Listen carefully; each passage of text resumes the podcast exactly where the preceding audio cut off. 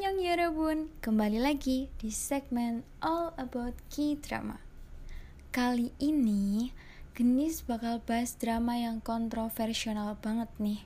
Siapa sih yang gak tahu drama Penthouse? Drama yang cukup menguras emosi nih teman-teman. Kadang bikin ketawa, tapi tiba-tiba juga bikin nangis. Penthouse sendiri digarap dengan latar yang keren Tokoh-tokohnya pun juga punya karakter yang kuat yang bikin tambah menarik dramanya.